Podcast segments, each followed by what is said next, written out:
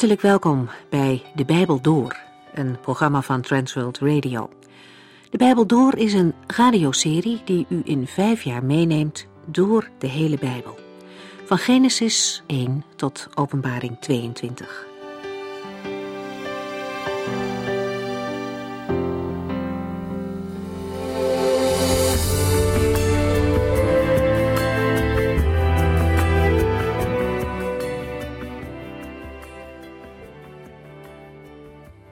Bijbel lezen? Waarom zou een mens dat doen? U moest er gewoon eens een keer bij zijn. Als er ergens in de wereld een groep mensen voor het eerst een Bijbel krijgt, in de eigen taal. De vreugde in hun ogen en de eerbied waarmee ze het eerste exemplaar in handen nemen. Dat werkt aanstekelijk. Aan alles kun je zien hoe belangrijk dit moment voor deze mensen is. Dit is waar ze naar hebben uitgekeken. En waarom? Omdat ze nu tenminste mee kunnen praten over de mooie verhalen? Of meer te weten komen over de mensen uit de tijd van de Bijbel? Of omdat ze nu beter hun eigen wortels en cultuur leren begrijpen? Nou, dat kan allemaal. Maar als dat nou alles is, dan gaat het boeiende er wel heel gauw af. Want wat Bijbellezen vooral zo boeiend maakt, is dat je er veel meer van kunt verwachten dan je denkt. Want de Bijbel is namelijk voor alles Gods manier om zichzelf aan mensen bekend te maken. En door erin te lezen ontdek je steeds meer over wie en hoe God is, hoe je Hem kan leren kennen en wie Jezus Christus is. Alle tijden door is er eigenlijk behoefte geweest om de Bijbel te kunnen lezen in de eigen taal. Zo is men al heel vroeg begonnen de oude teksten om te zetten in andere talen dan Hebreeuws of Grieks. Een heel belangrijke vertaling uit de vroege tijd is de vertaling van de Hebreeuwse tekst in de omgangstaal van die tijd, het Grieks. Men noemt deze vertaling de Septuagint. Septuaginta is het Latijnse woord voor 70. Het verhaal gaat namelijk dat 70 mannen gedurende 70 dagen aan de vertaling hebben gewerkt. Men vermoedt dat de vertaling is ontstaan tussen 250 en 100 voor Christus. Precies de tijd waarin het Grieks de wereldtaal werd. De Joden hebben nooit veel waarde gehecht aan deze vertaling. Maar voor de verbreiding van het christendom was ze erg belangrijk. Enkele eeuwen later is ten gevolge van de politieke omstandigheden nog een andere taal belangrijk geworden: het Latijn de taal van de Romeinen. Langzaam maar zeker verdrong het Latijn het Grieks als wereldtaal en daarom kreeg men ook behoefte aan een Bijbelvertaling in het Latijn. Nu waren er in de loop van de tweede en derde eeuw na Christus al verschillende Bijbelgedeelten in het Latijn vertaald. Hoewel die nooit één geheel zijn geweest, noemen we die verzameling van losse Latijnse Bijbelgedeelten de Vetus Latina, ofwel de oude Latijnse. Bijzonder belangrijk is het werk geworden dat op een gegeven moment werd aangepakt door Hieronymus, overleden in 420. Hij kreeg de opdracht om die oude Latijnse vertalingen te verbeteren. Doordat hij heel goed Hebreeuws en Grieks kende, heeft hij in zijn eentje een hele nieuwe vertaling in het Latijn gemaakt. Een geweldig karwei. Later heeft men deze vertaling van Hieronymus de naam Vulgata gegeven. Dat betekent de algemene, de meest gebruikte vertaling. Dat is ook erg lang in de Rooms-Katholieke Kerk gebleven. Op een gegeven moment zijn er ook vertalingen gekomen in het Nederlands. Vroeger, zo omstreeks 1500, kon je niet zo makkelijk aan een Bijbel komen. De leiding van de kerk vond dat de Bijbel een boek was dat alleen de geestelijken mochten lezen. Zij alleen konden begrijpen en uitleggen wat erin stond. Maar de geestelijken van die tijd spraken en lazen allemaal Latijn.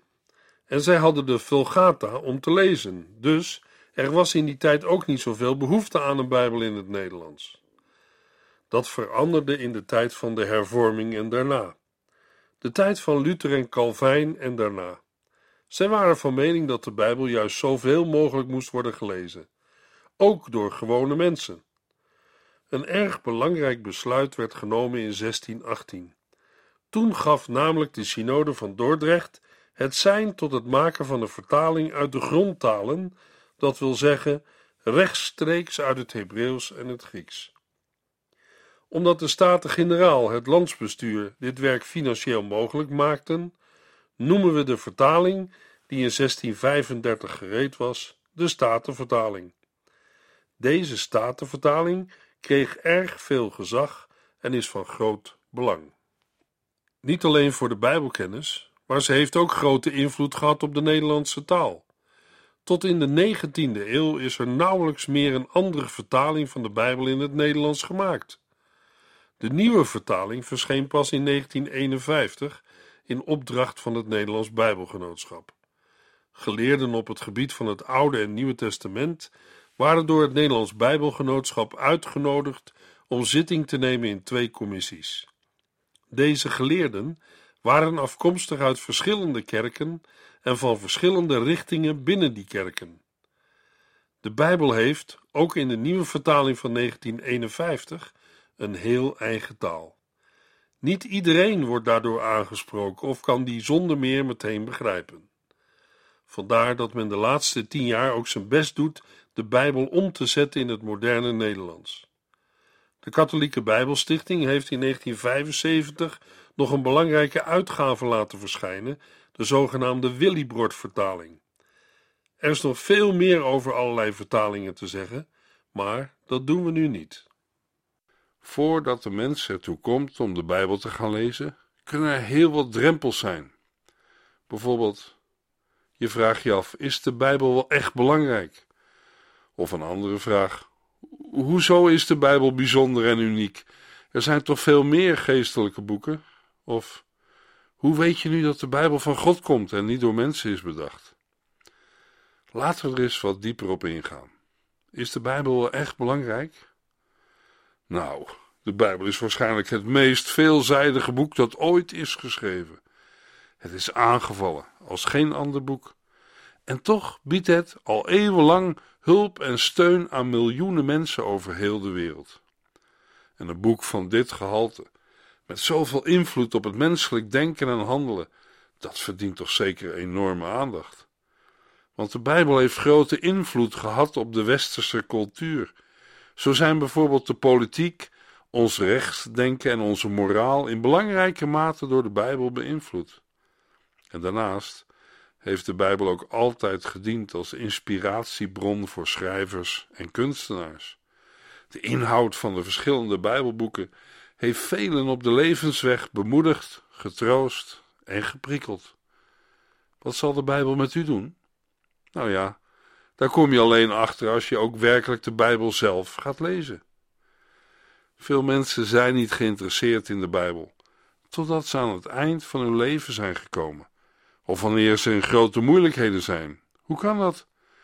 Is het omdat de Bijbel een boek is over het leven, over de hoogte en over de dieptepunten? De Bijbel is het boek om de uitdagingen en de worstelingen van elke dag mee tegemoet te gaan. En daarom is de Bijbel heel anders dan alle andere boeken van deze wereld. De inhoud van de Bijbel heeft mensen beïnvloed en zij hebben op hun beurt weer anderen beïnvloed. Lees het boek der boeken, want welke invloed zal dat op u hebben? De tweede vraag die we net noemden, om de Bijbel te gaan lezen, of die je ervan weerhoudt om de Bijbel te gaan lezen, dan kan de vraag zijn: hoezo is die Bijbel bijzonder en uniek? Er zijn toch ook nog andere geestelijke boeken? Zeker, er zijn meer geestelijke boeken. En toch, op veel manieren is de Bijbel het meest bijzondere boek. Bijvoorbeeld als het gaat om de schrijver of de schrijvers. God is de schrijver van de Bijbel, maar op een bepaalde manier is ook de mens ingeschakeld bij het schrijven van de Bijbel. In feite is de Bijbel geschreven door ongeveer 40 schrijvers over een periode van ruim 1500 jaar. En sommige van hen hebben nooit iets van een andere schrijver gehoord en er ook nooit wat van geweten. Ook was er geen geheim overleg of contact tussen de verschillende schrijvers. Twee of drie, die kunnen elkaar mogelijk hebben ontmoet. maar de meeste niet. En toch hebben ze allemaal aan een boek mogen schrijven dat op een wonderlijke manier aaneensluit. Zeker als je het vergelijkt met andere boeken die ooit zijn geschreven, dan is het opvallend. Elke schrijver heeft zijn eigen gevoelens uitgedrukt vanuit zijn eigen cultuur en uit zijn eigen tijd. Natuurlijk, iedere schrijver had ook zijn eigen bijzonderheden en fouten. Neem nou Mozes. Hij deed ook verkeerde dingen. Maar toen hij de eerste vijf boeken van de Bijbel uit de mond van God opschreef, kwamen er geen vergissingen in. Immers, God zelf heeft hem de woorden in de mond gelegd. God voerde de regie. De Bijbel is ook een menselijk boek, geschreven door verschillende mensen: rijke en arme, koningen en prinsen, hoogbegaafde en gewone mensen uit het volk. Een paar voorbeelden. Lucas, de schrijver van het Lucas-evangelie, die was arts en schreef in klassiek Grieks. Maar Marcus, dat was een gewone man. Wij zouden zeggen hij schreef huistuin- en keukengrieks. En toch heeft God door de Heilige Geest beide mensen gebruikt. Door hen heen is op schrift gekomen wat God wilde. Maar de Bijbel is ook een goddelijk boek. Meer dan 2500 keer lezen we: God zegt, de Heer heeft gezegd, zo zegt de Heer. En daarmee geeft God zelf aan dat Hij door middel van de Bijbel spreekt. De Bijbel kan het leven aan je doorgeven. Luisteraar, wanneer God op dit moment uit de hemel zou spreken, dan zou Hij precies hetzelfde zeggen als dat wat we in de Bijbel lezen. Want de God van de Bijbel was, is en blijft voor altijd dezelfde. Dit goddelijke en tegelijk menselijke aspect is ook te zien bij de Heer Jezus Christus. Als hij op weg is met zijn volgelingen, dan reist hij door het land van de Samaritanen. En moe van het lopen, rust hij uit bij een bron. Het is maar een klein voorbeeld, maar het laat iets zien van het mens zijn van de Heer Jezus. Maar Jezus is ook God. Hij sprak met mensen hier op aarde en sommigen waren zo onder de indruk dat ze zich afvroegen: wie is hij toch? Dat zelfs de wind en de golven doen wat hij zegt. En anderen, zoals de leiders van het volk, wilden hem stenigen, omdat hij gezegd had dat hij God was en de naam van God uit het Oude Testament gebruikte om aan te geven wie hij was. Bijvoorbeeld door te zeggen: Ik ben de goede herder en ik zet mijn leven in voor de schapen. De Bijbel is bijzonder en uniek. Ik sluit dit gedeelte af met een citaat van bisschop Pollock. Bisschop Pollock werd omstreeks 1580 geboren in de Oekraïne uit orthodoxe ouders. Zijn eigenlijke naam was Jozefat. En in 1618 werd hij gekozen en gewijd tot aartsbisschop van Pollock, dat toen tot Polen behoorde. In 1623 werd hij door zijn tegenstanders vermoord. En deze bisschop Pollock schrijft over het bijzondere en het unieke van de Bijbel. Ik citeer: De Bijbel is de verbinding tussen twee werkelijkheden met betrekking tot de Christus van God. Want in het Oude Testament horen we zijn onzichtbare stappen, maar wij ontmoeten zijn gezicht in de troonzaal van het Nieuwe Testament. En het is door Christus alleen, die werd gekruisigd voor mij, dat ik vergeving voor mijn zonde heb gevonden en eeuwig leven. Het Oude en het Nieuwe Testament is vol met de woorden van Jezus Christus. Oud en Nieuw Testament samen vormen de Bijbel en zeggen dat Jezus is de Christus. Wat zou een mens daar nog meer kunnen weerhouden om de Bijbel te gaan lezen? Nou, je zou je kunnen afvragen: hoe weet je nu dat de Bijbel van God komt en niet door mensen is bedacht? Het stellen en beantwoorden van deze vraag is van wezenlijk belang voor het vervolg. Wat maakt nu dat de Bijbel uitsteekt boven alle andere boeken van de wereld? Nou, een van de bewijzen dat de Bijbel van God komt, is de buitengewone bewaring van de Bijbel. Er was een vroegere koning, Joachim, en we lezen over hen in het Bijbelboek Jeremia, in hoofdstuk 36, die toen het woord naar hem werd gebracht, in de vorm van een boekrol, een mes nam en de boekrol in kleine reepjes sneed. Je zou zeggen, daarmee is het Bijbelboek Jeremia verloren gegaan. Maar niets is minder waar. De profeet Jeremia moest alles weer precies zo opschrijven als de eerste keer. Alles werd herschreven. En vandaag hebben we nog steeds datzelfde woord in de Bijbel. Gedurende vele eeuwen zijn Bijbels verbrand. Soms is er ook vandaag nog grote tegenstand tegen de Bijbel. In ons land worden geen Bijbels meer verbrand. Maar vandaag wordt het gezag van het woord van God wel ondermijnd door te stellen dat het geen woorden van God zijn. Het zijn maar gewone mensenwoorden, zeggen ze. Die hebben geen gezag. En toch is het verbazend dat het woord van God nog steeds wordt gelezen en bewaard. Een ander argument, waardoor we kunnen weten dat de Bijbel geen fantasieboek is, maar het woord van God, komt uit de archeologie. Opgravingen hebben veel dingen aan het licht gebracht. Dingen die bewijzen dat de Bijbel het woord van God is. Bijvoorbeeld, critici ontkenden vroeger dat Mozes de schrijver van de vijf eerste boeken van de Bijbel was. Waarom? Omdat schrijven in zijn dagen nog niet zou hebben bestaan. En vandaag hoor je dat niet meer zeggen. Want jarenlang hebben opgravingen steeds meer bewijzen aan het licht gebracht. De stad Jericho en de neervallende muren zijn een voorbeeld. Het woord van God geeft de werkelijkheid weer. Opgravingen dragen nog steeds historische bewijzen aan. Over dit punt is natuurlijk veel meer te zeggen dan dat ik nu doe. En als u er meer van wil weten, dan kunt u bij ons daar informatie over aanvragen. Een ander argument voor de Bijbel als het woord van God zijn de uitgekomen profetieën. Het is een bewijs waar je niet omheen kunt, want de Bijbel is er vol van. Een kwart van de Bijbel was, toen het werd geschreven, profetisch. Goddelijke aankondigingen uit de mond van zijn profeten over gebeurtenissen die in de tijd en de toekomst zullen gebeuren. En veel van die profetieën zijn nu al in vervulling gegaan. Een voorbeeldje uit 1 Koningen 22. De profeet Micha vertelt koning Agab dat wanneer hij oorlog zou gaan voeren zoals hij had gepland, hij de strijd zou verliezen en hij zou sterven. Maar de valse profeten van Agab zeiden dat hij zou winnen en als een overwinnaar terug zou keren uit de strijd. En die woorden van Micha, die staan koning Agab niet aan. En Micha komt in de gevangenis terecht en wordt op water en brood gezet. Een laatste woord van Micha was: Wanneer u toch terugkomt, dan heeft de Heere niet door mij gesproken. Maar het bleken wel woorden van God te zijn.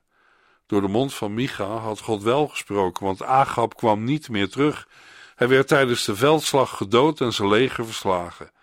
Hij had zichzelf vermomd, zodat er geen gevaar zou zijn om zijn leven te verliezen. Dat dacht hij.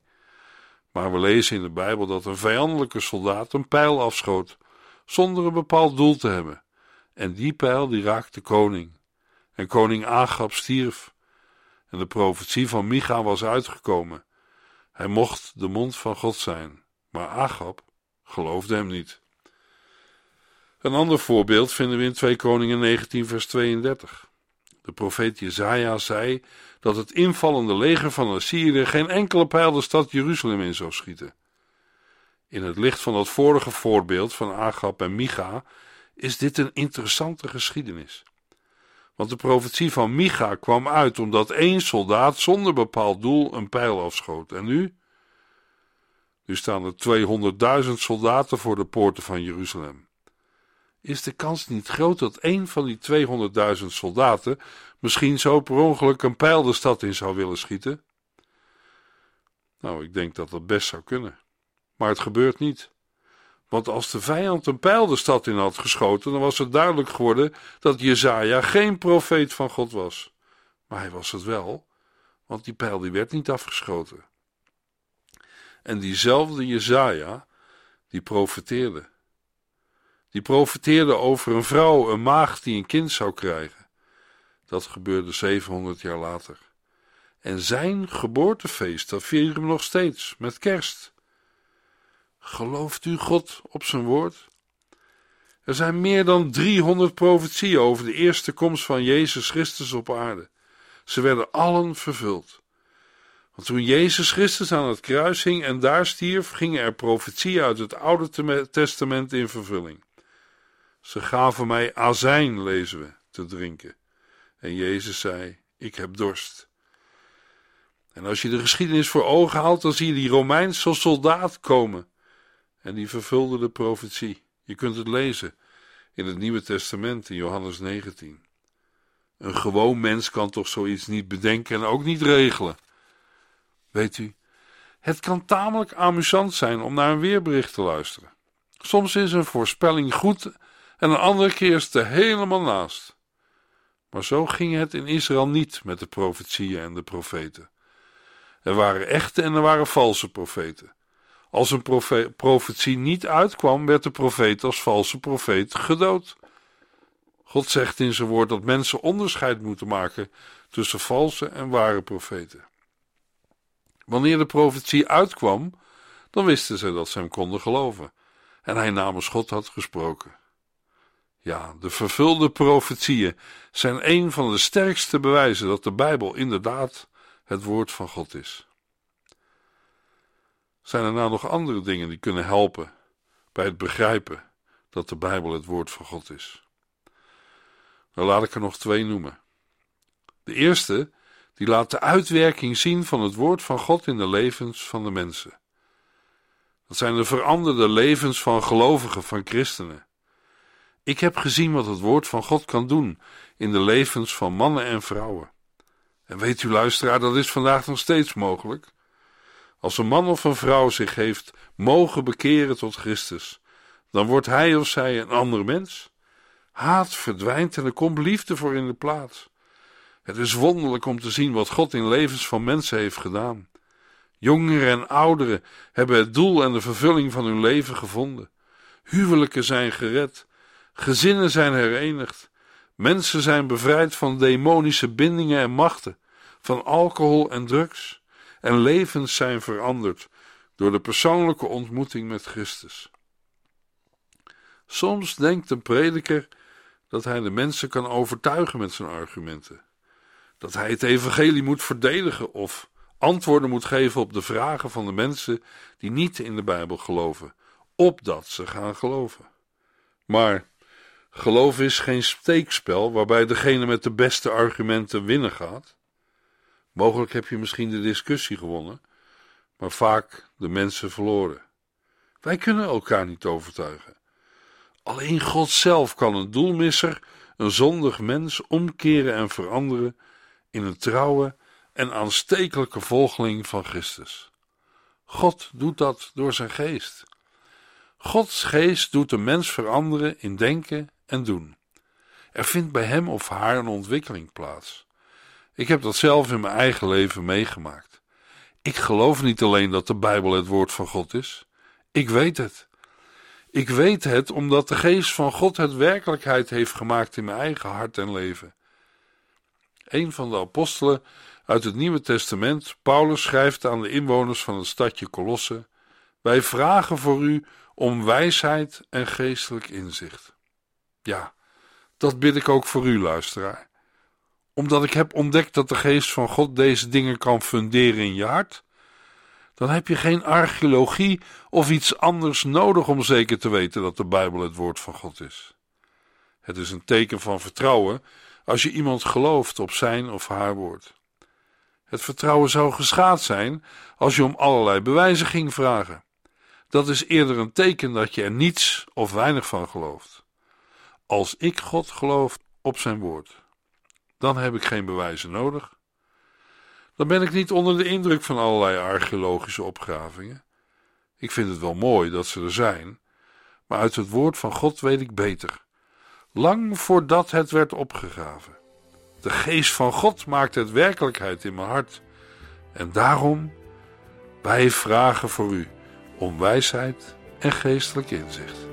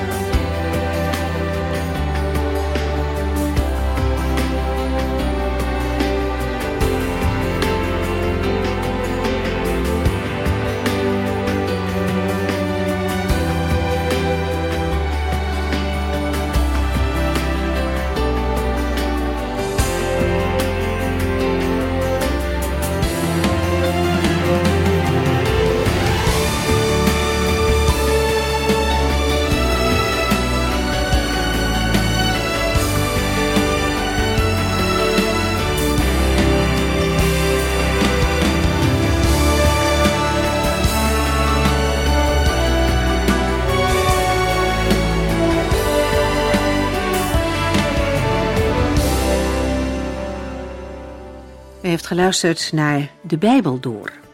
In het Nederlands vertaald en bewerkt door Transworld Radio. Een programma waarin we in vijf jaar tijd de hele Bijbel doorgaan.